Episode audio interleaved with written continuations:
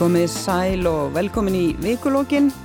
Þótt almanakið segja að nú sé hásumar þennan þriða laugardag í júli er veðrið ekki alveg í samræmi við það. Eins og við heyrðum í frettanum hér áðan þá eru gular veður viðvaranir um nær allt land eftir gífulega regningar á vestfjörðum og norðvesturlandi í gær sem orsökuðu flóð og skriður. Hjá mér sitja tvær Siljur, Silja Dögg Gunnarsdóttir Þingmaður Framplánaflokksins og Silja Bára Ómarsdóttir, professor í stjórnmálafræði, auk Þóris Guðmundssonar, rittstjóra stöðar tvö bylgjunar og vísis. Við ætlum að ræða helstu fréttir og atbyrði vikunar sem er að líða. Þar ber hæst uppsagnir Æslandir á öllum flugliðum félagsins og slitt kjara viðra. Ávísan er talsverðum framtíð félagsins sem líkt á önnur flugfélög berst í bökkonum vegna COVID. Stjórn og trúnaður áð flugfröðufélagsins Ísland samþýtt að fundu sinum síðdeis í gærað bóða alls herja vinnustöðun hjá Æslandir ef félagsmenn samþykja slíkt í atkvæðargreyslu. Við ætlum að ræða pólitíkina Vestanhafs þar sem rúmlega 100 dagar eru til kostninga.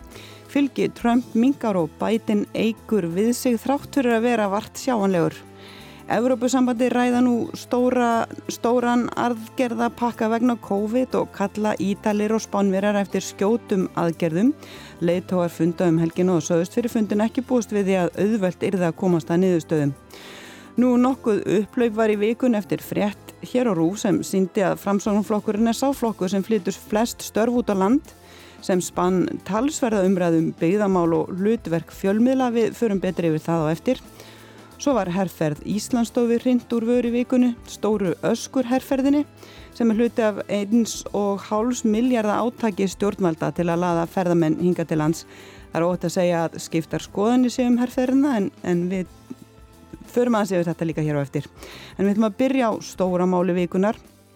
Fulltrúar verkalýsræfingarinnar hafa bröðist ókveða við ákvörðun Æslandir og sagði formaður Vaffer að hann vildi eða stjórnar menn sem Vaffer skipaði í stjórn Lífyrsjóðs Veslunumanna sniðgangi eða greiði atkvæði gegn þáttökur Lífyrsjóðsins í vantarlegu hlutafjárútbáði. Helga Vala Helgadóttir þingmað samfélkingar en er, er einn þeirra sem hefur kallað eftir skýrum skilabóðum frá stjórnvöldum vegna óásættanlegar framkomu æslandir í, í gardfluglega. Ef við byrjum á þér Silja Dögg, hvernig horfir þessi ákvörðun æslandir við þér? Já, það sem ég get sagt kannski núna er að, að ástandi er náttúrulega graf alvarlegt og óvissan er uh, töluverð. Uh, það sem ég get sagt náttúrulega sem fulltrúi þá uh, stjórnarinnar er að, að þetta mál er náttúrulega í höndum félagsins og þá og starfsmanna eins og er. Þannig að ég hef ekki upplýsingar um hvort að, að ríkistjórnin hekki skrýpa til einhverja sérstakra aðgerða varðandi málið núna á næstunni. Þannig að ég ég get, get ekki tjáð með meira um þetta að, að sinni. Þóri, hvernig sér þú, hverjir eru möguleikar Æslandi er í stöðinni, nú er þetta ekki eina flugfélagi sem er í vandræðum og það er fleiri flugfélag verið að semja, endur semja við sína félagsmenn?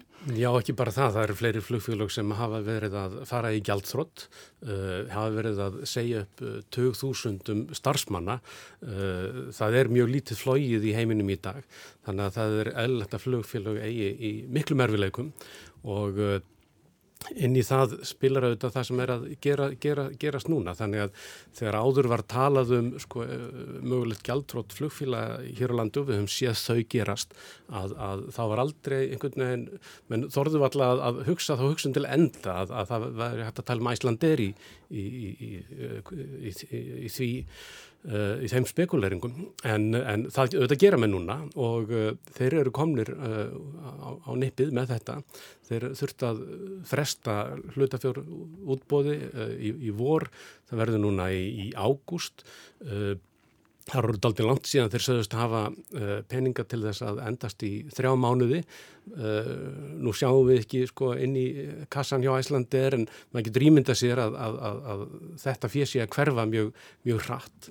Þannig að þá verður vantarlega spurningin ætla verkalisfjölugin í hart þar að segja að reyna að stöðva það að þessi fáu fluga Æslandir getur farið fram uh, eða, eða hvað ætlaðu að gera, ætlaði að leita til alþjóðleira verkefnisfélaga um að, um að uh, reyna að koma á einhvern nátt í vekk fyrir að Æsland er fljúið til, til annara landa. Þetta er, þetta er svona sviðsmynd sem að, sem að sko, verður dekkri og dekkri með, með degi hverjum. Selja, nú hafa bara eins og ríkistjórnum víða komið inn með aðgerapakka til handa flugfélögum en þessu umræði hefur kannski ekki komið upp annar staðar eins og hér svona gaggríni á uh, flugfélögin að, að vera að skerða uh, kjör starfsmanna. Hvaða áhrif telur þetta hafi?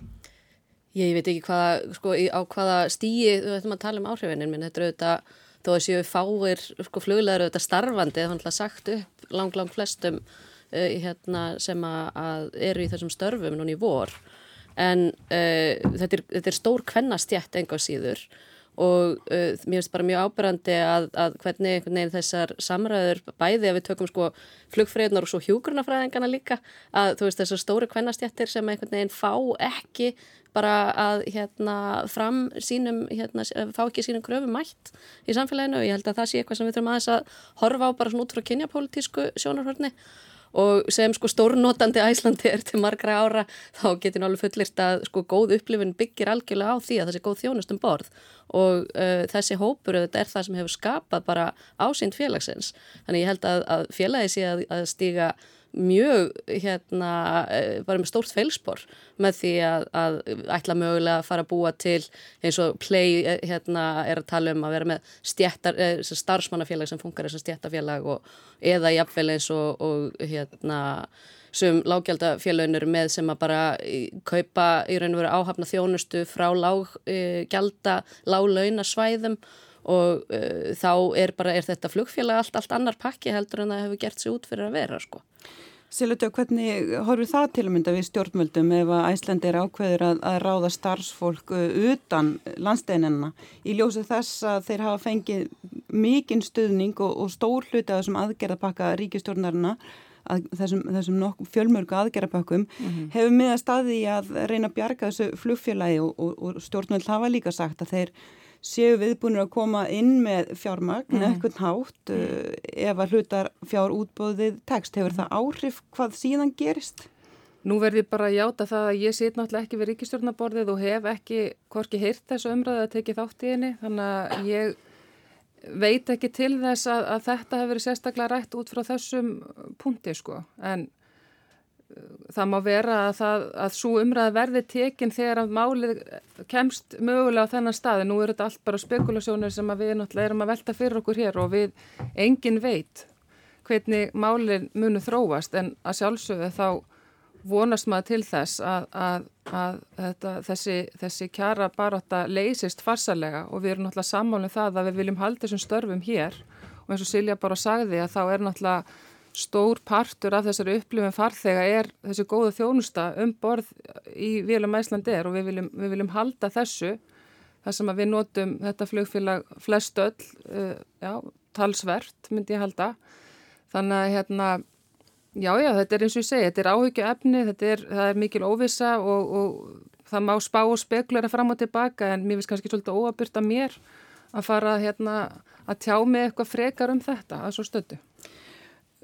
Silja bara bænda og þetta væri hérna tvær stórar kvennastjættir sem ekki var, tækist að semja við uh, flugfreyjur og, og hjúgrunarfræðingar. Er það áhyggjafni þórir að þínum að þetta skulle vera kvennastjættirna sem ekki tækist að semja við? Það Segir er oft þannig að það er ekki, hérna, það, það tekst ekki að semja uh, þegar umræða kvennastjættir.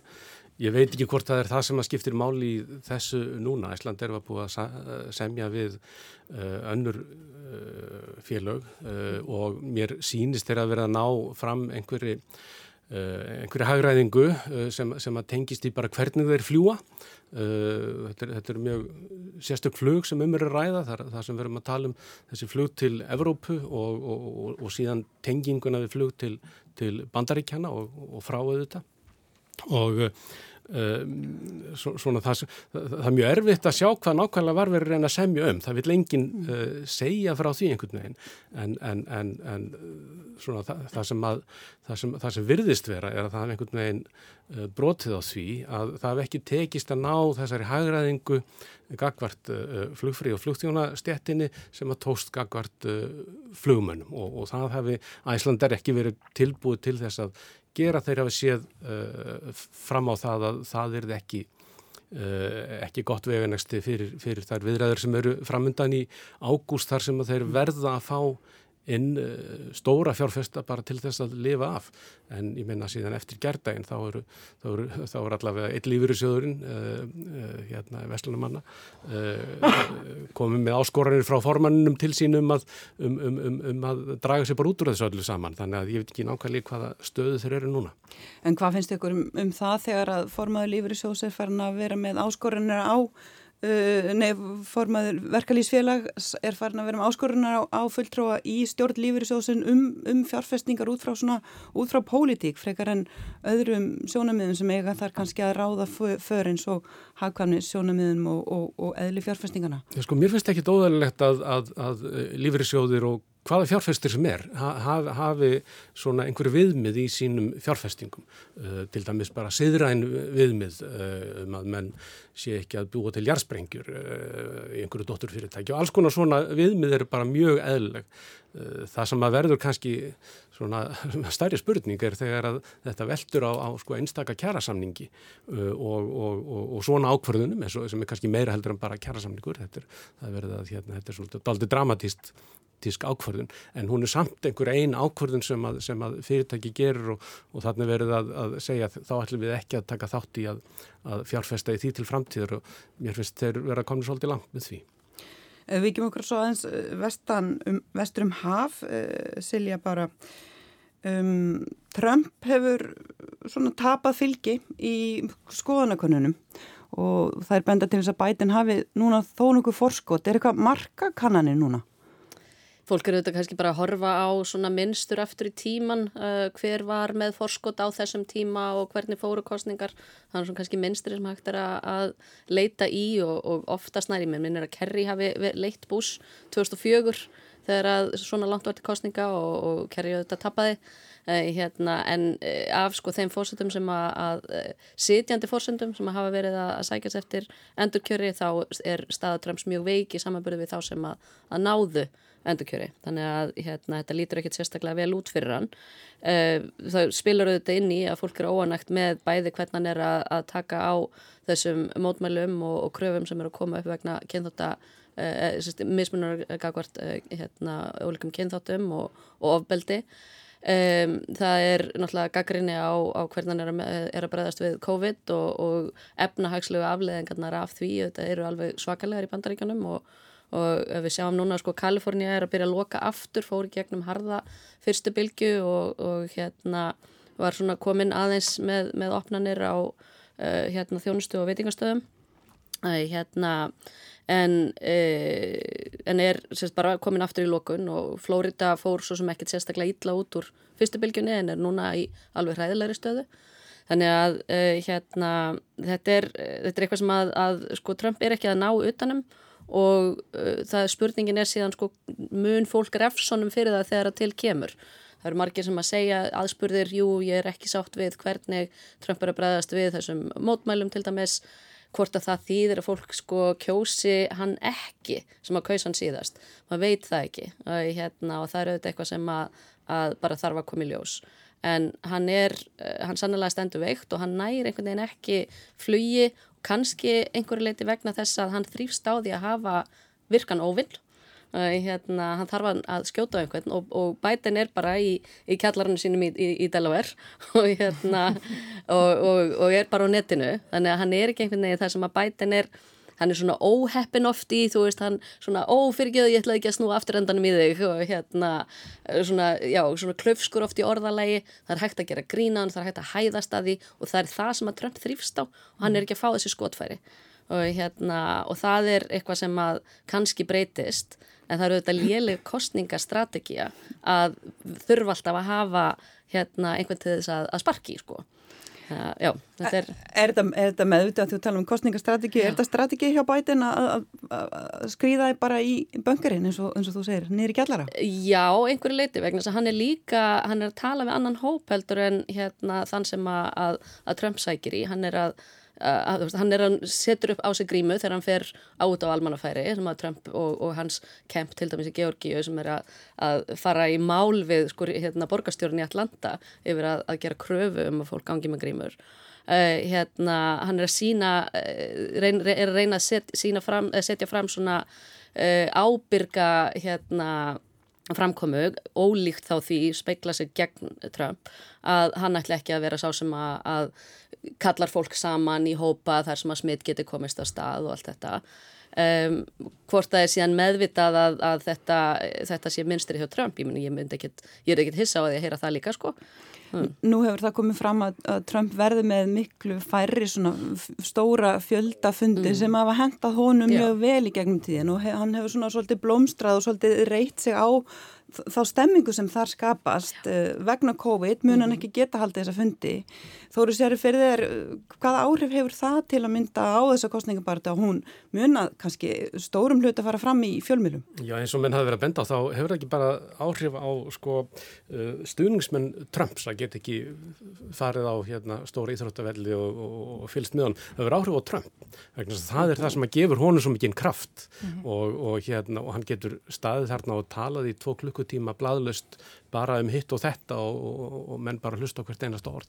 Ég held að, og þetta er alveg rétt hjá Silji Bárun, sko, bladamennu þetta eru svo brendir að 2016 sko að hérna þeir eiginlega þor ekki að, að, að segja að þetta er alveg örugt sko uh, vegna þess að það, það er allar skoðanakannir uh, sem, sem benda til ósiguströmp, ekki bara yfir all bandaríkin meðal almennara kjósenda heldur líka í þessum líkil fylgjum sem um er að ræða og þegar það er spurt um málefnin þá kemur í ljósað efnahagsmál skipta miklu miklu minnamáli núna heldur en mm. uh, koronaviru faraldurinn, hann fær mjög slæma útreið þegar kemur að svona dómi kjósenda varðandi það hvernig hann hafi staðið sig. Eðlilega finnst okkur kannski sem við finnst með honum. En Þannig... síðan ef hann mætir tveim vikum fyrir kjördag og segir, heyrðu, ég er búin að kaupa allt bóluefnið í heiminum. Mm -hmm. Fyrir bandaríkjumenn, engöngu sem eru þetta það sem að, sko, mm. veist, í Evrópu er verið að tala um að, að sko, rannsaka bóluefni og koma því á mm. markað og, og koma því hendurnar á almenningi, öllum löndum til þess að fólk geti varið sína veikustu hópa bandaríska stjórnin er að kaupa allt bóluefnið hérna, og er hvað náði 90% af öllu sem var til í, í heiminu núna í síðasta mánuði held ég. Hérna, ef hann tekst það, þá er hann komin á allt annan stað. Þá er hann búin að leysa sko, þú veist, COVID, hérna, þá er hann búin að bjarga sko. Og það gæti snúið mjög mörgum. Þannig að það er alls konar svona þættir, mm. vissulega alveg rétt sem Þóri segir, það er ekki bara bladamenn, það eru líka mínstjætt sem að, að hérna, liggur í, í skoðanakonunum og, og reynir að lesa í þessi stjórnmálamenstur sem að, að öll þanga til, daginn, þanga til á kjördag voru með 70-90% líkur. Og ég man eftir að sko Nate Silver sem er með 538 að hann sagði daginn fyrir kjördag að það veru ekki nema 2-3 líkur á því að Clinton myndi vinna.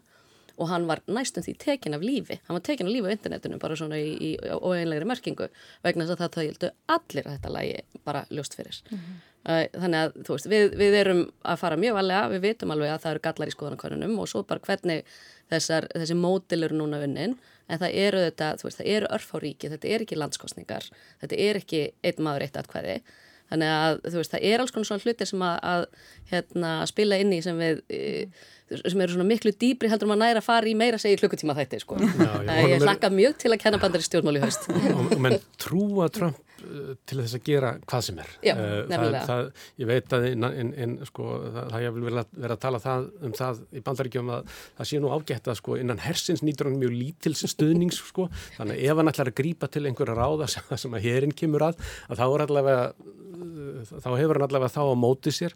Menn voru í New York Times í, í morgun var, var hérna verið að spá í spilin varði það hvort hann myndi nokkuð látaði völdum ef að munurum væri ekki mjög mikill mm -hmm. og fær rauk fyrir því og farið ofan í kostningarlaugin hvað það þýtti ef að hann gæti komið í vekk fyrir að atkvæður ákveðnum fylgjum yrði talin fram og hvað myndi þá gerast mm -hmm. þetta myndi enda hjá fulltrúadeldinni en aha, demokrater eru með hana en nei, vegna þess að það fer eftir sko ríkjónum, eftir Já. fylgjónum Hvert og þar eru replikanar með meir hluta í Rík. aðeins fleiri mm. fylgjum heldur en já. Trump -hmm. heldur en demokrater Já, já, já, og svo er einmitt hérna talandum sko hérna óræða útkomu að þá náttúrulega kemur sko, fjölmiðla þátturinn aftur inn og bara það sem gerist núna í vikunni þegar að Twitter-reikningar Obama og, og hérna, Musk og, og fleiri voru teknir yfir þrýr-fjöru tímar? Eða þetta var kannski ekki svo langt, það voru nokkri klukkutímar. Það sem að, að það var fullkominn óreiða í upplýsingum. Og ef að sko eins og gerðist hérna, hvað var ekki, kostningunum uh, 1980 þegar Carter tapar að þá einhvern veginn voru, voru fréttaflutningur komin á stað á austuströndinni að þetta lægin og illa fyrir þannig að fólk vestar, það ja. mætti ekki á kjörstað ef þú getur tekið stjórn á fjölmiðla, bara svo margir í bandaríkunum sem að nota Twitter mjög mikið Twitter er miklu miklu sterkari þar heldur en annars þær í heiminum og ef þú nærið einhvern veginn að koma upplýsingum á stað þaðan og, og Trump hefur náttúrulega bara náð ótrúlegum tökum Já. á mm. Twitter mm. að ef hann kemur einhverjum upplýsingum á stað eða einhver uh, hérna yllviljaður gerandi kemur einhverju á stað þá gætu við líka verið komið með bara hérna eitthvað svona eitthvað bara algjörlega nýttin í spilið sko. Þannig eru komin að þessi upplýsinga óriði sko, áður var það þannig, einmitt eftir 1980 sko, þá, þá hérna, tóku fjölmilar, stóru fjölmilar þessi saman um Já. að fara ekki út með uh, tölur eða niðurstöður Já. úr neinu fylgi uh, fyrir að búa lokalil kjörstöðum í því fylgi. Uh, núna skipta þeir ekki jafn miklu máli þessi Nei. stóru fjölmilar þó að þeir komið sér saman um eitthvað ef, ef að Trump með sína 50-60 miljón fylgjendur á Twitter mm -hmm. segir eitthvað þá er það bara komið út Hvernig eru fjölmiðlar að bregðast við þessari upplýsingaóreðin sem þið talið um og þessari breyttu kostningabaráttu og, og breyttu pólitísku umræði núna? Það var mikil svona, svona endurlit og, og sjálfskoðun hjá fjölmiðlun sem fór fram eftir síðustu kostningar Þegar eins og þú, þú bendur á, Silja, bara þá hérna, töluð allir um að Sigurum væri örugur, mhm. Sigurum væri höfn, enginn gerir ráð fyrir bara til dæmis í forvalinu að Trump væri alvöru kandidat, mm. það var gert grínaðunum, svo kemur bara allt, allt annað í ljós mm og nú erum við að sjá eitthvað algjörlega óræðan, uh, svona órætt umhverfi í þessari baráttu. Hvað geta fjölmjöla gert og, og hvað er þeir að, að reyna að gera til þess að reyna svona allavega að sinna sínu hlutverki? Ég minna vandin er kannski bara að fjölmjölar er ekkert að ná til eh, sko almennings, já mikið og, og þú veist það hefðbundu fjölmjölar. Þú veist ef þú fer bara eh, nokkra áratíu aftur í tíman þá sáu allir eina af stóru fréttastöðunum bara hérna landsfréttir klukkan 6, uh, hálf 7, þá var bara NBC, ABC, CBS og þá horfðu bara allir á þetta og þetta voru svona mjög hefðbundnar fréttastofur, þá voru allir með samræmdar upplýsingar og svona sameilan skilning. Núna velur fólk sér inn í allt sko, þú veist það er ekki bara Fox, ég meina þú veist með hluti sem að sko, stof, fréttastofur litlar og, og sem við myndum ekki þekkja uh, hérna, sem að eru miklu miklu lengra til hægri og, og, og uh, eru ekki þannig hefðbundna fréttastofur að það er einhvern veginn lítið á sig sem bundnar af því að, að fara hlutlægt með sannleika eða staðrendir eitthvað þess að það er, bara tólkun og þá eru þetta þegar fólk er ekki með sko sameinlegar sko upplýsingar til þess að meta, það heyrir bara tólkun eh, sem er í samræmi við hugarheim þess, þá náttúrulega er bara óbáslega erfitt fyrir fjölmila, þess að hefðbundu fjölmila að brjóta sér gegnum það þú veist, þau eru þetta að reyna að vera virkar á netinu, þú veist, þau eru með Twitter síð, hérna, síður og, og Facebook síður og öll þessi podcast sem að, að eru verið að reyna að koma, þú veist, þekkingu til almennings og upplýsingum, en hvernig á að brjóti gegn, ég veit það ekki. Þegar hérna kannski bladmenninir getið svarað því Já, þetta, þetta er náttúrulega mikið, mikið rætt í dæmis, samtökum sem ég er í það sem eru rittstjórar eh, aðli í Evrópu en, en líka við sverum heiminn, eh, hittum stárlega og, og, og, og þetta eru þetta aðalefnið á, á, á, á þeim fundum.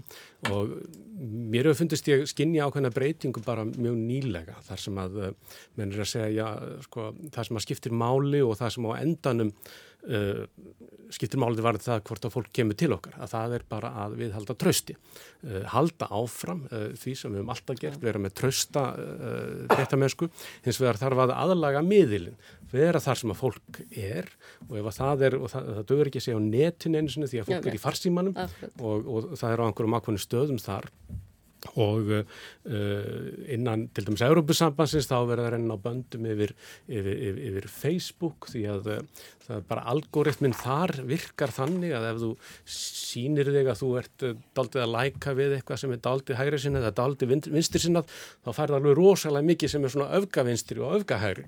Þannig að hérna, það er ímislegt svoleiðis að verður reyna að koma böndum yfir svona hluti og hvernig þetta komum við líka að, að, að, að sko, uh, peningamálunum í þessu því að hérna, Facebook er auðvitað að sjúa til sín auglýsingar fyrir efni sem við á rittstjórnunum erum, er, erum að framleiða og þar aftur er verið að reyna að koma svona lagalegum böndum yfir það og það er til dæmis verið að gera hér á landi er, og, og, og um alla, alla, alla Evrópu. Þannig að það skiptir líka máli en á endanum uh, þá, þá, þá gengur ekki annað heldur en að sína uh, bara mikið traust passa alveg óbóslega vel upp og að, að, að flytja ekki falsfréttir uh, og, og ef þú ferð síðan inn á þá miðla sem fólk er að nota hverju sinni að, að þá held ég að það sé svona eina leiðin fyrir svona þessa hefbunnu fjölmiðla til þess að halda velli.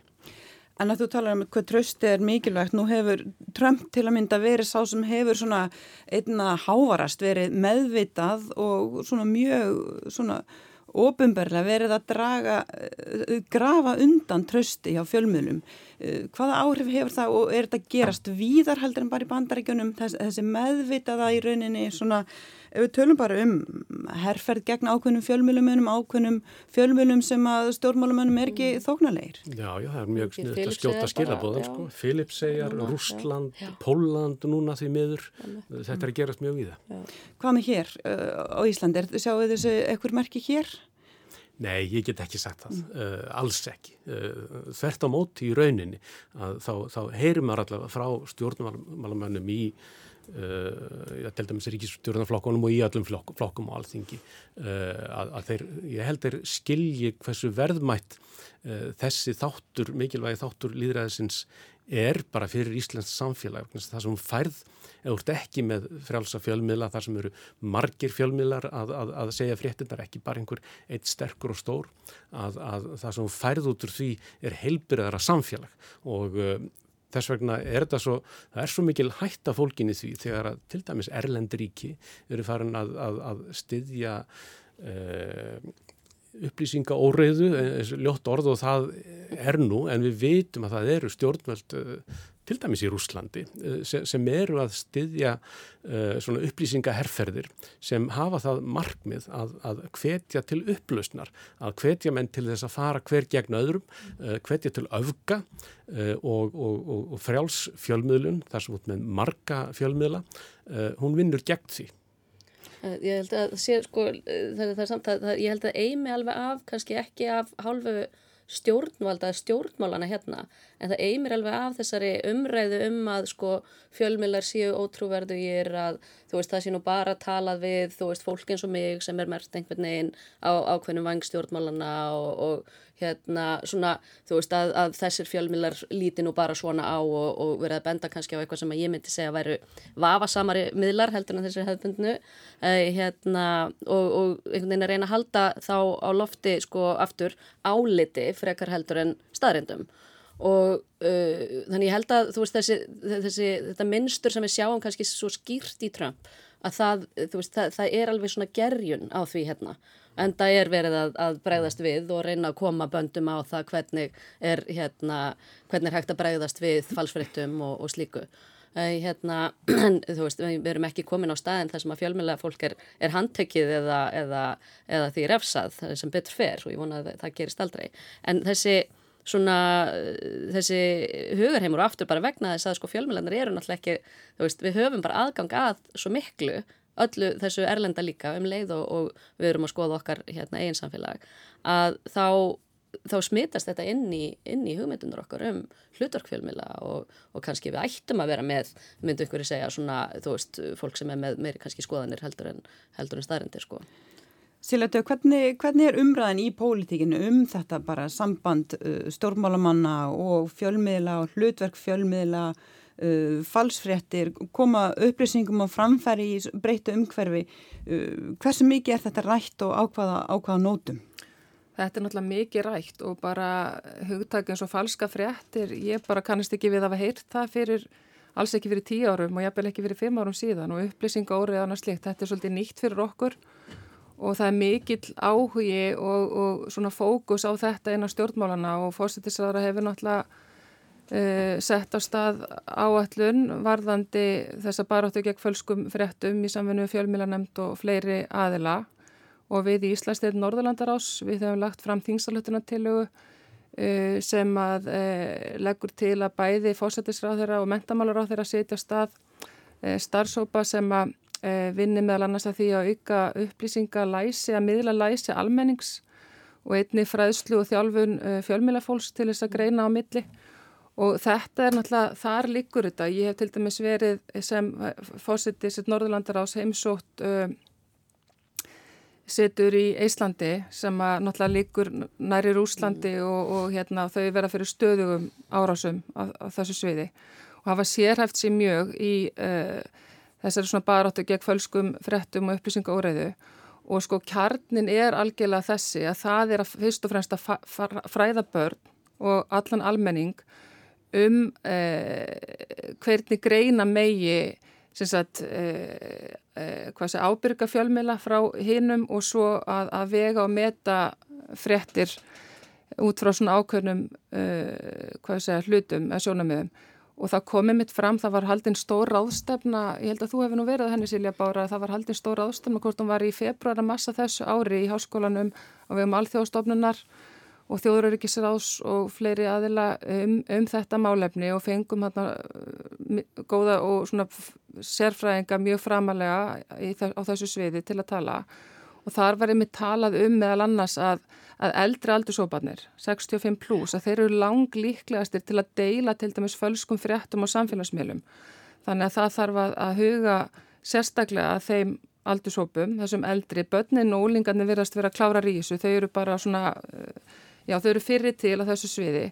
En þetta náttúrulega grefur undan, ég menna líðræði það líkur eigum uppi mannréttundum og þetta, þetta er svo ofbáslega hættulegt uh, gagvart líðræðinu, alþjóðastofnunum og því sem við byggjum þessa svona world order, ég veit ekki hvað heitir þessa heim sem að uh, við svona viljum halda áfram að búa í, þannig að það er svo margt undir og hérna En við erum algjörlega í pólitíkinni mjög meðvitu um þetta og, og allir flokkar og, og þingmenn og, og uh, starfsmenn, sko ráðunita og allir sem á fræðarsamfélagið er, er vinnu þjætt saman á þessu sviði og mun gera það áfram. Og að við töluðum áður um að uh, þessir hefðbundu fjölmiðlar eiga sífælt minna vægi uh, þegar kemur að því að miðla upplýsingum Það var áhugaverðir pistil sem Kolbrún Bergþórsdóttir skrifaði vikunu um þessa, þessa leifilegu skoðanir í rauninni sem að, sem að fólk er lift að hafa ofinverlega og ef þú ert með innan gæslepa ranga skoðinu og segir eitthvað sem að flestum hugnast ekki, þá færðu hólskefluna svíverðingum árásum yfir þig. Hvernig, get, hvernig er hægt að bregðast við þessari þróun og hversu alvarlega er hún bara varðandi skoðanaskipti, almenn skoðanaskipti í landinu? Ég myndi segja bara sem stjórnmálumæður sem að það er náttúrulega skotlefi á stjórnmálumenn uh, alltaf og þetta er eitthvað sem við bara uh, þurfum að vennjast í sjálfu sér.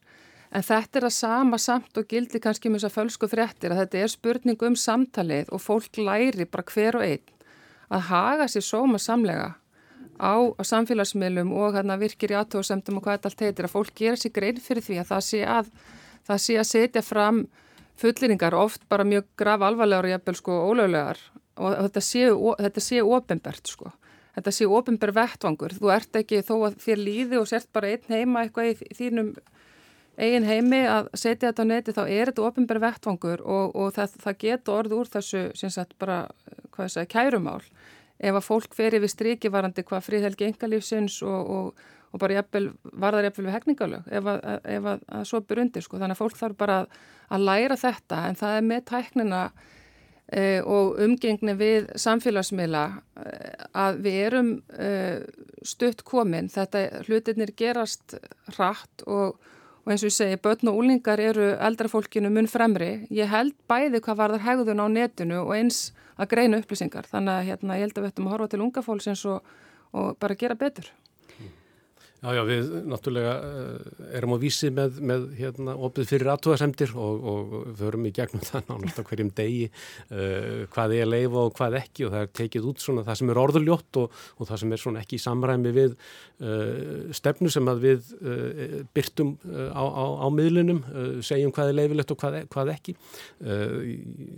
Ég er fylgjandi því að halda áfram að vera með svona aðtúasemdir að leifa þær vegna þess að þær eru líka, þær, þær hafa svona tilgang líka það er ymmislegt sem kemur út úr því, það er verið að, að koma fram með einhverja, einhverja vinkla á það sem er að gerast eða fylla upp í fréttir sem við erum með og, -hmm. og þar fram til göttum en, en uh, síðan held ég að það sé eitthvað sem verður bara frá fá að þróast að, að það myndist einhver, einhver almennileg uh, alveg samfélag þarna þar sem að menn, menn vita að mm -hmm. þeir eru að dæma svo leik með, með, að, með einhverju vittlisisgangi og, og, og með því að vera orðlutur. Já, en meðan að það eru sko, ef það væru þeir, þeir, þeir hópar sem að myndi dæma svo leik sko, en ég held að mjög ofta þá séu þeim eitt sko fólki sem lendur í holskeflunni sem að dreygu sér hlýja að hérna fólki sem að, að kannski er ekki tilbúið í einhverja slægi að hérna að láta mæta sér svona að það drefur sér hlýja þannig að rattirna sem að magnast upp og það eru þetta aftur ef við tengjum þetta sko, við, við bandaríkinu og Trump og svona þú veist að þá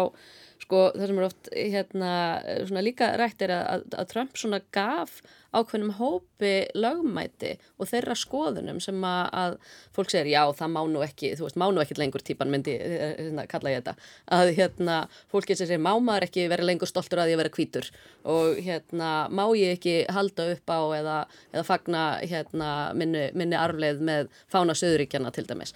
Að hérna að, þetta eru svona skoðanir sem að fá pláss þegar Uh, svona, þessar rattir verða sterkari mm. og það er ekkit endilega jákvægt fyrir uh, samfélagi það er núna bara verið að endur skoða fána hérna ekki Mississippi sem var síðasta ríki sem var með Söðuríkjakrossin í, í sínu fána það er fyrir að breyta fánanu mm. sínum og, og hérna, Þóri nefndi hérna áðan að lítinn stöðning við Trump í hernum að, að varnamálar á þeirra bandarækjana var að, að setja bann við þessu sko, og þetta ítir þá síðan undir sko, bara mámaður ekkert lengur mhm. hérna, málflutningin sko, og þessar rattir sko, Þetta er alveg rétt, sko oftar en ekki að það finna við þetta er þegar maður fylgist hérna, með virkum í aðtöðasöndum að þá er þetta nú oft þannig að það byrjar ykkur og gaggrinir ykkur að frétta, það kemur ykkur að viðbóta hvernig það nú er. Og svo kemur yfir restin og fyrir að rýfast við þau fyrir að rýfast innbyrðis yfirleitt þetta, eða þú reykur samtölun og þetta er nú bara yfirleitt þannig sko, þannig að já, þeir sem að, þeir sem að kannski uh, fréttin snýr að í sjálfu sér fá held í minnst af þessu, þetta er eiginlega bara virkir í sam, samtölu Samtölum. við sjálfa sig sko, þannig að þetta er svo sem minnlust oft. En uh, inn í því þessum hérna virkir í aðtöðasemdum samtölum þá kristallast eh, mjög oft þessi, þessar ránghugmyndir um, um fjölmiðla og hlutverk þeirra og, og svona ætlanir fjölmiðlamanna til þess að valda uh, ná okkur fram með, með sinni frétt. Það, þetta hefur oft, þetta viðhorf hefur oft svona jafnvel svona sérst hjá jáfnvel kjörnum fullur, fulltrúum í, í umræðum um ákveðna fréttir og, og til að mynda þessi frétt sem að uh, bara segjum það hér sem að ég skrifaði uh, hérna í, í svo byrstur að frétta rúf á sunnudag um, um einmitt að, að framsáknarflokkurinn væri sáflokkur sem væri að flytja flest störf út á landsbyðina mm -hmm. vakti nú aldeilis hörð viðbröð og eins og ég lísti í einhverju pisli mín eða svona status á Facebook þá sem að fekk svona var tekið upp í á vísi meðal annars uh, þar var því líst til að mynda hversu svona mikil og neikvæð viðbröð voru bara við þessum samantækt á, á upplýsingum. Um, meðal annars frá einum kjörnum fulltrúa framsáknarflokksinn sem að í, í sínu svar pisleila við þessari frétt virtist svona uh, vera að lesa eitthvað allt annað út úr fréttinu heldur en í hennu stóð. Hvernig stendur á því að, að það frétt um framsónuflokkin það sem er í raunin bara verið að, að taka saman upplýsingar og, og, og lýsa því að flokkurinn sé í raunin að fylgja sinni stefnu mm -hmm. að flytja störfut á land. Hvern, hvers vegna vekur þetta svona mikil og hörð viðbröð? Sko ég ætla nú bara að byrja því að segja að ég var nú neitt sambandslaus á þessum tíma sem þessi frétt kom og ég legg mig fram við það allavega svona rétt eftir að þingi líkur að fylgjast bara mjög lítið með frettum en ég heyrði frettina þína í útvarpunu eða svona fyrirpartin af henni fylgdist ekki með Facebook eða virkum í aðtóðsendum eða einum að neinum og ekki fekk ég neinn bref út af þessari frett en auðvitað eins og segir er það náttúrulega skýr stefna framsvonarflóksins að tryggja jafnbreiði fólks um land allt bæði hvað var aðgengja þjónustu og við viljum hafa ofinbær störf um land allt. Og eins og þú fóst yfir þinni frett að þá hafa ráð þeirrar framsvonarflóksins framfyllt þeirri stefnu sem að, ég til gott og gilt vegna þess að við erum með 160 eh, af vega ríkisins og við erum með 20.000 störf af vega ríkisins og ég veit það fyrir víst að, að fólk vil geta unnið eh, þar sem það er fætt og uppalið eða jafnvel eins og nú fólk er að ferðum landið og hérna uppgötar dásamlega staði, vil gerðnan hérna, vinna annar staðar en á höfuborgarsvæðinu og hérna, búa sér þar, hei, þar heimili Þannig að hérna, ég þakka það bara kjallaði fyrir þessa frétt, þannig að þetta eru umræði sem við þurfum náttúrulega að vera sko kannski dugleiri að taka, þannig að frétti þínu var ákveðið upplegg og, og vakti umræðu sem er jákvægt, en ég get ekki tjáð mig um eins og segja hvað fólk var að segja á netinu eða þú sjálf á, á fjöspókinni í kjölfar fréttarinnar, en, en mér skilst að þarna hafi verið ránkvæslur varðandi hvaða ráð þeirrar fluttu hvaða stofnanir á ákveðna staði og, og það sem fór kannski fyrir brústu að fólki ef við skilir þetta rétt var að það svona kannski uppliði fréttina sem slíka að þarna væri eitthvað svona, svona kjördæma pólitíkaferðinni frekar en það að, að, að, að svona framfylgja stefnunni sem bara er að styrkja búsetu um land allt. Og ég verð nú að segja það líka bara í kjölfarað á COVID og þeirri upplifin okkar e, samhliða því að, að nýta okkur e, tæknina, fjarfundi, síma, net, við erum með stórverkefni á ríkistjórnarnar, e, hvað var það Stafrænt Ísland, var þetta aðgengja rafrannum skjölum og annað. Þannig að við sjáum það náttúrulega öll að framtíðin, í framtíðinni á fólk að geta starfa nánast hvar sem er, hvort sem að vinnur hjá ofinbjörgum stopnunum eða engafyrirtækjum og ég kaup ekki þau rauk að hérna, það fáist ekki hæfir einstaklingar á landsbyðinni vegna þess að við erum með háskóla vitt og breyttu landið, við erum með öflugt fólk og ég hef hitt það fólk oftar en eins og oftar en tvísvar bara stóra hópa sem að vilja gætnan búa annars þar en höfuborgarsöðinu en kannski flytja ekki frá höfuborgarsöðinu vegna þess að það finnur ekki störfi hæfi. Þannig að við eigum að sjálfsögðu að, hérna, að, að gæta jafnbræðis en á sama tíma að hlúa höfuborgin okkar. Ég meina höfuborgin okkar verður áfram miðstu stjórnsýslu það er bara þannig. Þannig að þannig eru gríðarlega mörg tækifæri og eins og ég segi þetta er umræða sem er mun þróskaðri á hinu Norðurlöndunum. Það er búin að vera virk stefna á þessu sviði í langan tíma. Við erum svona, förum strax í eitthvað svona kjördæma pots, eitthvað svona, ég ætla ekki að segja svífringar, en þetta er svona skammar yrði að vera með kjördæma pot, en veist, þetta er ekki þannig. Við eigum að horfa á landi í heilsinni, hvernig við getum styrt búsötum alland og aðgengja þjónustu og, og svo sjálfsöðu stefna í ávegum bæði ríkis og engaðala frekar að störum á staðsetningar vitt og breyttu landið og nota teknina. Þannig þetta er framtíðin, sko. En hvað svona virist að vera sem að framsónuflokkurinn sé eini flokkurinn sem að þeirra hugsa á þessum nótum þráttur þetta hafi verið stefna fjölmarkara ríkistjórna?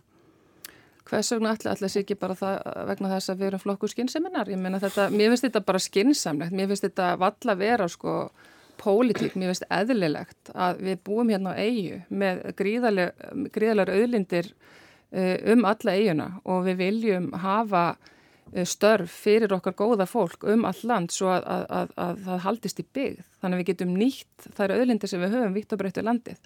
Þannig að mér finnst þetta, mér finnst að allir flokkar náttúrulega ég bara taka höndum saman og leggja áherslu á þetta. En Þóri, hvað segir þér okkur, þetta okkur um, um umræðina? Þetta er ekki fyrst og ekki síðast smáfréttin sem að svona vekur einhver svona brjálæslega hörð viðbröð og, og, og, og miklu harðara heldur en kannski tilefnir til. Tilefnir til. Er þetta eitthvað sér Íslandst fyrirbæri þetta uppþótt út af einhver? Nei, nei, nei, að, að skjóta sendibóðan. ekki sér Íslandst. En, en hins vegar var mjög uh, skemmtilegt að fylgjast með viðbröðunum því að hérna sumir eh, framsónuminn fóru á límingunum aðrir eins og Silja Dögg og, og, og Sigur Ingi Formaður sögðu bara já nákvæmlega þetta er stefnun okkar. Og, mm. og hérna og hún er það. Eh, hins vegar sko þessi, þessi stefna fyrir aðeins út í það sko að, að flytja störr út á land sko hún er eiginlega kannski marganátt skynsalegri núna eftir, eftir COVID heldur kannski áður þegar við erum búin að sjá að það er svo margt sem er hægt að gera úr fjarlægð og sérstaklega þegar við erum að byggja upp uh, stafrænu tækni uh, stjórnult voru satt að segja ekki drósalega framarlega í henni þannig að svona, þú tókst þetta frá 2000 og uh, þessar stofnun sem voru fluttar þá það höfði, það höfði för, með sér að það var fólk sem var ekki reyðubúð að flytja til akkurir til dæmis og, og þar fram til göttum og, og, og þá náttúrulega skilum aður að það sé mikið lóanægja með þetta uh, en það er verið að gera þetta út um allt, það er alveg rétt. Og ég heimsótt einhver tíman uh, uh, Írska auðarrikiðsraðandi í Dublin Mm -hmm. og þar hafi verið tekið ákvörðun einhver tíman um að flytja stóran hlut af því í, í bæ í tölveri fjarlæð frá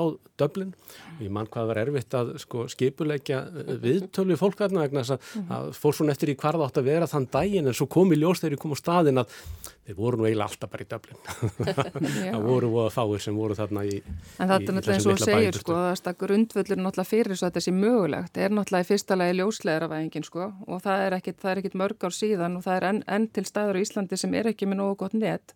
En þeim fyrir sem betur fyrir fækandi og framsunaflokkurinn hefur um mitt beitt sér mjög mikið í því verkefni svo að þetta sé hægt búseta um landa allt og hérna, jújú, jú, fjarfundirnir og, og hérna COVID kent okkur margt en auðvitað höfum við náttúrulega haft aðgengi að, að neti og símum um ára bilsko þannig að hérna þetta var nú kannski verið svolítið vann nýtt á, á sama tíma en hérna En ég held að við séum allavega réttri leið og þessi umræð og ég hveti bara eindrið Sigriðudög til að gera fréttir um byggðamál og hérna og til dæmis eða skoða bara starfatorg.is sem er vefur sem auðlisir störfum á ríkisins að þá getur við valið þér sko landsvæði og vilt ert að leita starfa á Vesturlandi eða Austurlandi hvað það nú er en það er ekki ennþá komið eftir sem, eh, með þess mikið á síðast allavega Eh, hlekkur þar sem getur bara valið sko starfa án staðsetningar. Mm. Sem er nú verið eitt af stefnumálum ríkistofnunar. Sem er inn í stjórnarsáttmálanum mm. og þannig að þetta án og þeir segja það á starfatorgi þetta sé að koma núna.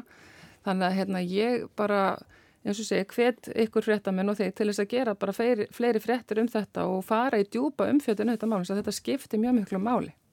Já, ég má aðeins, hérna, mér finnst nefnilega, sko, punkturinn sem ég held að vera að byrja á sigur í dag, það er þetta, sko, þessi, hvernig þessi viðbröð spiluðust og, hérna, ég var nú að skila rannsóknar um styrkumsókn í Rannís á miðugudaginu, en ég var ekki mikið á netinu, en maður sá nú samt svona oppan af þessu held ég, að e, þetta er akkurat það sem við vorum að tala um á þann, að þetta er svona, fólk var að bregðast við meintri skoðun, ætlaðri skoðun frekar heldur en staðrindum og, uh, og, og mér finnst nefnilega svo flott hvernig þú varst að bregðast við þessu Silja segja bara já, þetta er satt, þetta er stefnan okkar. Mm. þetta er það sem við viljum gera. Það er engin gaggrinni fólkin í því að taka saman þessar upplýsingar.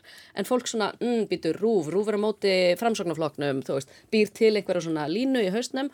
Það þýðir að þú varst að gaggrina í þeirra huga og þannig spilast þessi frétt einhvern veginn í, í, út í samfélagsmiðlana sko. þannig að hérna, og, veist, og það er svo auðvelt einhvern veginn að missa tökin á þessu og þannig kemur inn allt þetta sem við erum búin að tala um bara hvernig getum við tala, ekki bara að tala um ábyrga fjölmjöla heldur ábyrga fjölmjöla neytendur. Hvernig, hvernig kennum við fólki að lesa upplýsingar, meta þær og melda, frekar heldur hann að fara einhvern veginn í svona eh, hérna eitthvað viðbragð. Og hérna en uh, hérna, en mér langar svo líka bara að taka undir að sko, mér finnst þetta mjög góð stefna að, að störfi að vera út um all land en mér, bara, mér finnst rosalega skrítið og að taka heilu stopnarinnar og flytja þær og, og segja við fólk bara, ef þú ætlar að halda starfinu þá þarf það að flytja eitthvað og hérna, þannig að störfa staðsningar finnst mér svo miklu, miklu skinsalæri mm. valkostur eins og umhverjastofnun hefur verið með mm. lengi að fólk getur bara búið hvar sem er þannig að ég myndi miklu fyrir ekki að vilja sjá stefnu þar sem að stjórnvöld reka bara hérna þessu gamlu pósthúsin sem eru aðeinslega byggingar út um all land, taka þau upp, þau eru með goða tengingar innbyggðar að búa þar til vinnustöðvar þar sem að fólk hefur kaffistofu, vinnufélaga sem eru kannski að vinna einhverju allt, allt öðru verkefnum mm. en er ekki einhvern veginn eitt heima hjá sér þó svo núna þú veist, meiri hlutin að vinna mínum út um allan heimur, bara kenna einhvern veginn stofinu heima hjá sér og, og þú veist, og þau eru farin að setja hundana sína og börnin á, á kennslu á allanir fyrir mhm. haustið vegna þess að þau mun ekki fara inn í skólastofur og bara, þetta er hundurinn sem mun trubla alla fyrirlestrana mhm. mína, þú veist, hann er bara vinnufélagi hérna, og þú veist, það er miklu betra að vera með aðstöðu, það sem er alveg skrifbórstóll og, og góð nettenging en ekki einhvern veginn þráðlösa neti þitt heima En þetta náttúrulega gengur í báðar áttir sko, ég segi sko, ég myndi vilja getna til dæmis fá umhverjastofnum bara út á land og þá getur mitt fólk sem að kýsa að búa höfuborgarsvæðinu og það getur mitt bara verið þar þá þeir sem mm. kjósa og unnið. Þannig að þú veist það má alveg snúi sér hvernig sem er sko. en þess að við erum með, þetta er svo mörg störf já. og þetta er svo marga stofnanir þannig að auðvitað getur við driftin betur en við erum að gera. En varandi bara fréttaflutningin sko, svo ég segi það að þetta er einmitt fréttaflutningu sem við erum að gera miklu meira af. Þar sem við erum ekki bara að segja fréttir af því sem að gerðist í dag heldur eh, erum að skoða eins og þú gerðir þarna 20 mm. ára tímabil og segir þetta er það sem hefur gerst á því tímabili. Og finnur þarna eitthvað, eitthvað, eitthvað áhugavert. Bara, en voru engir aðri ráþeirar en framsónar ráþeirar sem að fluttu störf út Jú, á land? Einn, hana. Var það bara einn? Já, þessum við stærlega. Já, já, ég er bara að segja húra fyrir framsónarfloknum.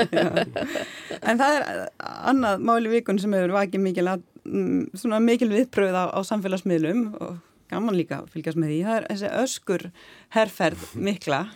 Um, sitt sínist hverjum að við stóðum að segja það en, en það er líka svona aðtöklisvert að sjá að það virðist vera sem það sé þarna einhver, einhver hugsun hjá þessari auglýsingarstofu sem sé einhvern veginn að ná í gegn í hjá þessu markkópi sem er verið að ná til hvað sem fólki finnst svo um þessa herrferð í sjálfu sér einhvers tók saman, það væri hugsanlega 590 miljónir sem að herrferðin hefði náð til nú þegar bara í gegnum þessa þessa frétta miðla sem að umfjöldunum herrferðina byrtist á.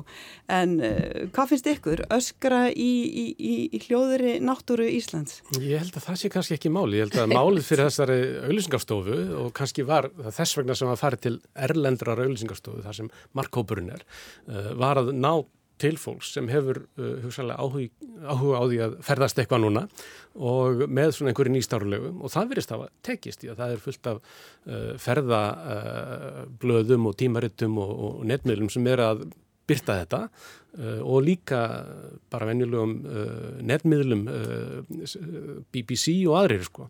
Þann, þannig að mér sínist tilgangur, tilgangum hafa verið náð og þetta næru þetta einhver ákveðinu fyrir fólk sem býr heima hjá sig kemst ekki út, við, við höfum ekki þurft að upplifa það en, en fólki sem þú ert að tala við í bandaríkjónum og, og, og, og viða í Evrópu, það verður ekki komist út fyrir húsins styr nema rétt til þess að ná í, ná í innkaupin þannig að það að öskra, þetta er örgulega bara eitthvað sem margir vilja að gera. Já, ég veit ekki, ég, ég brást, held ég eins og forpokkaði hópurinn við þessu sko, hérna, bara hvaða ruggl er það að eiga, eiðilegja einhvern veginn hljóðið þögnina sem er náttúrulega svo dásamleg við íslenska náttúru þegar maður kemst út og, og heyrir ekki nema bara vassnið og, og hérna, fugglakvakk og allt í hennu bara berist eitthvað, einhver pyrraður hérna eh, innilokaður bandaríkjamaður eða, eða, eða rúsi sem einhvern veginn vil fá að taka, ég og já. já, þannig að mér fannst þetta líka svolítið skrítið sko að, að ég hefði aldrei ímynda mér sko og, og það, kannski, það sem mér fannst að sína kannski ákveðna vannþekkingu á sko Íslendingum eða Íslandi að við öskrum upp í vindin er það ekki við öskrum á bremið, þú veist að þetta er ekki að öskra á hljóðið, á þögnina. Að þú tekur, þú nýtir aflið. Og akkur er þetta ekki sett á þú veist, að vitan á rólskeri að hérna, að bara þú fáir einhvern veginn að láta öskrið þetta óma yfir, þú veist, yfir, yfir sjógangin en hérna, já, þannig að mér, finnst einhvern veginn skrítið þetta að vera þú veist, það sem er þögn það var eiginlega sem að ég tröflaði mig Ég er bara sammála, ég hata háfaða og ég er svona típa sem að slekka öllu því kem heim, ég er ekki með kveikt og útvarp og sjónvarpi, ég þarf bara að fá frið þannig að þegar ég, og ég er mikil útilega manneskja Þannig að ef að ég færi í útilegu og myndi að heyra eitthvað öskur, ég held ég er í kær fyrir eignaspjöll. Ég bara er því brjáluð. Þannig að ég mist ekki góð hugmynd en jú, kannski eins og Tóri segja, sko, þetta er kannski tilganginu með náðu. Ég ætla bara rétt samt að vona ég reykist ekki á hana hátalara.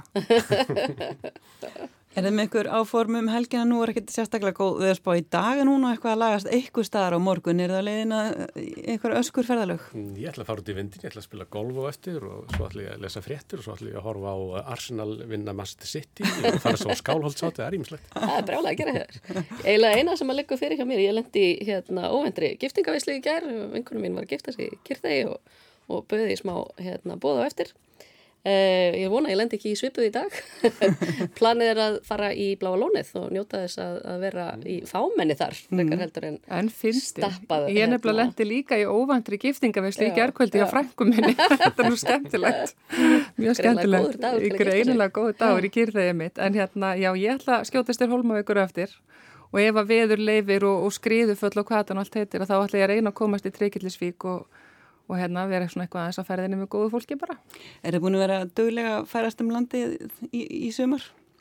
Ég verði að segja já, uh, tókum júni og fórum uh, á fellströnd uh, sunna vera vestfyrði strandir og síðan á, á austfyrði, gengum um landið yfir fjallafyrnindi þannig að, að mitt sumafrí er að, að baki og það var eiginlega bara Ísland út í gegn og það var alveg dásamlegt. Ég uh, er búin að ná rúmlega viku tíu dögum út í Hrísi sem er algjör paradís perlega fjaraðs og hérna var þar í sko 20 pluss stega hitta eiginlega allan dag, allan tíman og hérna held að húðin á mér verði kannski orðin hvítum jól. En hérna það er nú eina sem ég er búin með að frínu, ég vonast til að komast aftur norður og, og uh, jafnvel til færiða Já, ég er náttúrulega bara föst í þinginu til mánaðamóta og hérna en hér búin að vera á Akureyri á fókbóltamóti og ég er á sveitinu við Grundafjörð og kíktast í Flatey og er núna lind til Holmaugur þannig að ég ætla bara að halda fram að ferðast eh, bara eins og hérna, tíminn leifir. Þú segir færi að selja bara, er þið farin að hugsa um einhver, einhver aðrar út, utalansferðir, hvernig líður ykkur gagast í að fara að ferðast til útlanda? Já, veistu, ég kannaði miðaverð til færi að það er hátt. Já, ég ætla með ferjunni, sko. Já, allt í leið.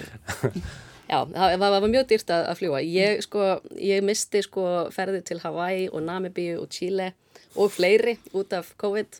Þannig að mér langar rosalega mikið en mér langar ekki að millilanda í bandaríkjónum að leiðin til Hawaii mm. þó ég eigi inni flugmiðan hjá Hawaiian Air. Hérna, þannig að það er eiginlega það sem heldur aftur manni. Man langar ekki endilega að setja sig í þessar aðstæður Nei. og tilhugsun að fljúa einhvern veginn með grímu í 2-6-8 tíma flug, það er, það er ekki spennandi sko. Nei, þetta er svolítið enginlegt. Ég er sett fósetti Norðurlandar ást 2020 og ég ætlaði nú heldur betur og ég og Otni Haraldóttir var að fósta ætlaði nú heldur betur að láta til okkur taka með tilhærendi ferðalögum og allskynnsfundum og skemmtilegheitum en, en, en árið varði allt öðruvísi heldur en við ætluðum þannig að nafnspjöldin okkar að þau líka bara óreifð heima og hérna en við að sjálfsögðu höfum reynd að láta til okkur taka þá varðandi eins og til dæmis áherslu á lofslagsmálinn með þessur reynslu okkar að fjárfundum og færi flugferðum að þá sjáum við náttúrulega gríðarlega tækifæri hvað var að starfsemi Norðalandar ás og hérna, já þannig að það er, það er alltaf tækifæri öllu en auðvitað var þetta ár mjög skrítið. Mm. Er þú eitthvað fann að huga utanlandsverðum þórir? Uh, nei, ég fer sennilega með uh, einkonu minni til Danmörk hún þarf að fara að fund þar en ég segi það, það sama það, það voru nokkrar auðvitaðlandsferðir í, í kortonum en, en ég sé ekki eftir því að hafa fengið í staðin tíma til þess að uh, endur uppgöðfa Ísland mm. eftir nokkur ár. Það er alveg rétt. Við ætlum að segja þessu lokið hér í dag og þökkum fyrir komuna Silju Dögg Gunnarsdóttir, þingmanni framsóknarflokksins, Silju bara Ómusdóttir, professor í, í stjórnmálafræði og Þóris Guðmundssonar, reittstjóra stöðvar, tvö vísis og bylgjunar. Takk fyrir þetta. Takk svo mjög.